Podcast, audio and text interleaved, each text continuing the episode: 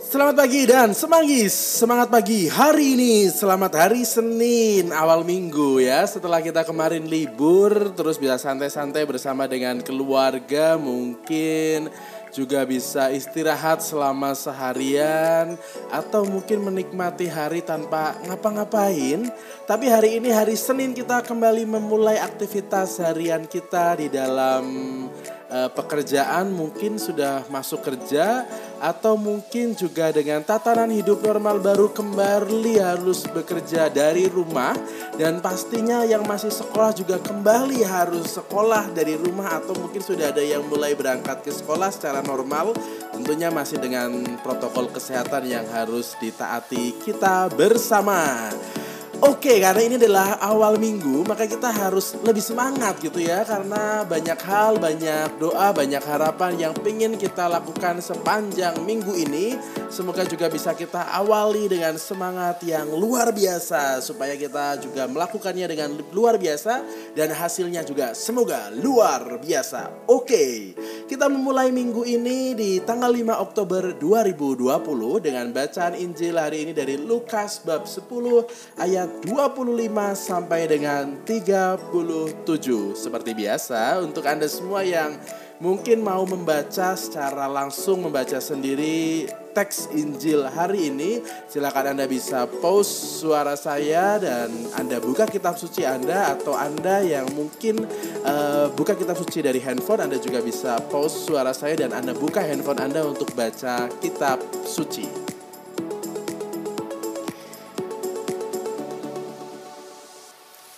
Yap, hari ini dari Injil Lukas bab 10 ayat 25 sampai 37 temanya itu menarik karena menarik dan juga sangat baik untuk dijadikan awal dari perjalanan minggu kita. Ini minggu pertama di bulan Oktober. Maka pastinya di minggu pertama ini kita semua punya harapan baru, punya mimpi baru. Semoga minggu ini berjalan dengan baik dan awal minggu ini kita ngobrol dan temanya adalah tentang kasih. Bacaan Injil hari ini diawali dengan seorang ahli Taurat yang berdiri dan hendak mencoba Yesus. Lalu dia bertanya, Guru, apakah yang harus kulakukan untuk memperoleh hidup yang kekal? Lalu Yesus menjawab begini, bukannya menjawab malah dia bertanya kembali ya, apa yang tertulis dalam hukum Taurat? Apa yang kau baca di sana? Lalu orang itu menjawab begini, kasihilah Tuhan Allahmu dengan segenap hati, dan dengan segenap jiwamu dan dengan segenap kekuatanmu dan dengan segenap akal budimu dan kasihilah sesamamu manusia seperti dirimu sendiri. Kata Yesus kepadanya, benar jawabmu itu, perbuatlah demikian maka engkau akan hidup. Artinya hari ini tema kita adalah berbicara tentang kasih atau love atau cinta gitu ya. Tapi lebih enak kayaknya kita ngomong tentang kasih.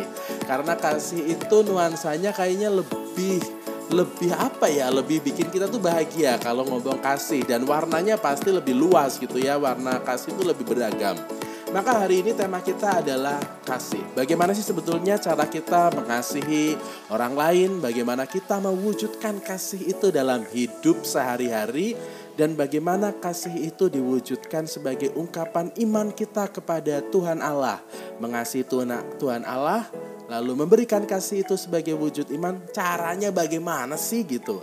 Sebetulnya kalau kita mencoba untuk merenungkan dan mencari maksud dari kasih ini tuh apa, mungkin sebetulnya Tuhan itu ingin memberikan atau mengajak kita untuk mengasihi orang lain sama seperti kita mengasihi diri kita sendiri. Lalu kita mengasihi Tuhan juga belajar dari cara kita mengasihi diri kita sendiri dan mengasihi orang lain.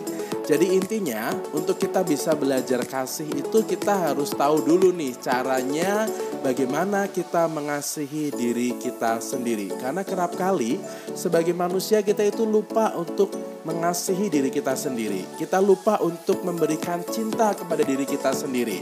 Karena apa misalnya terlalu sibuk gitu ya, lupa untuk istirahat, lupa untuk memberikan hal-hal yang bikin diri kita itu bahagia, sukacita.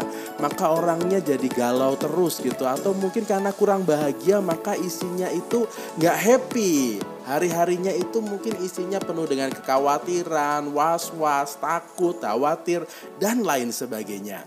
Atau karena kita nggak bahagia, maka kita menunjukkan ketidakbahagiaan itu kepada orang di sekitar kita. Maka orang lain juga jadi ikut-ikutan nggak bahagia.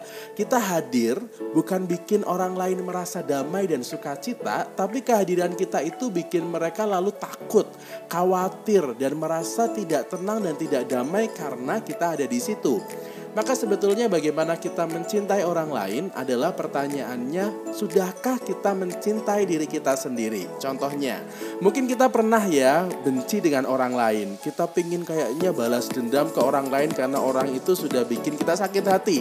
Atau mungkin kita terlalu banyak membicarakan orang lain kalau orang lain itu sukses, berhasil, lalu makin kaya, makin naik jabatan, lalu kita itu nyinyir gitu ya. Padahal di saat kita nyinyir atau membicarakan membicarakan orang lain, di saat kita pingin berbuat jahat terhadap orang lain, orang itu tuh lagi bahagia, lagi sukacita dengan berkeluarganya, dengan temannya, dengan apa yang dia buat. Sementara kita itu berpikir gimana caranya lalu mengalahkan dia, gimana caranya mencari hal buruk. Dan itu itu sebetulnya menyiksa diri kita. Sadar atau tidak, di saat kita membenci orang lain, di saat kita ingin memberikan sesuatu yang buruk kepada orang lain, di saat kita cari-cari hal negatif dari orang lain, sebetulnya kalau kita masuk dalam diri kita, kita itu lagi menyiksa diri kita sendiri. Maka bagaimana caranya mencintai orang lain? Cintailah diri sendiri. Belajarlah untuk memberikan cinta kepada diri kita sendiri dengan melakukan hal-hal yang positif kurangilah untuk berpikir negatif, kurangilah untuk menyiksa diri dengan usaha mencari hal-hal negatifnya orang lain, lalu kurangilah diri untuk bersaing dengan orang lain, pasti nanti kita bisa lebih bahagia, kita lebih sukacita, dan karena kita bahagia dan sukacita, maka kehadiran kita juga jadi sumber bahagia dan sukacita bagi orang lain. Dan pastinya karena kita tahu caranya mencintai diri kita sendiri dan belajar untuk mencintai orang lain, nanti kita juga tahu bagaimana caranya mencintai Allah secara otomatis. Maka hari ini mumpung ini adalah awal hari dan awal minggu di bulan Oktober, minggu pertama, Mari kita belajar caranya mencintai dan belajar caranya memberikan kasih kepada banyak orang, supaya kita juga hadir sebagai berkat bagi semakin banyak orang di mana pun kita berada, di tempat kerja, di keluarga, atau yang tinggal sendiri, ya, jadi sumber kebahagiaan untuk diri sendiri.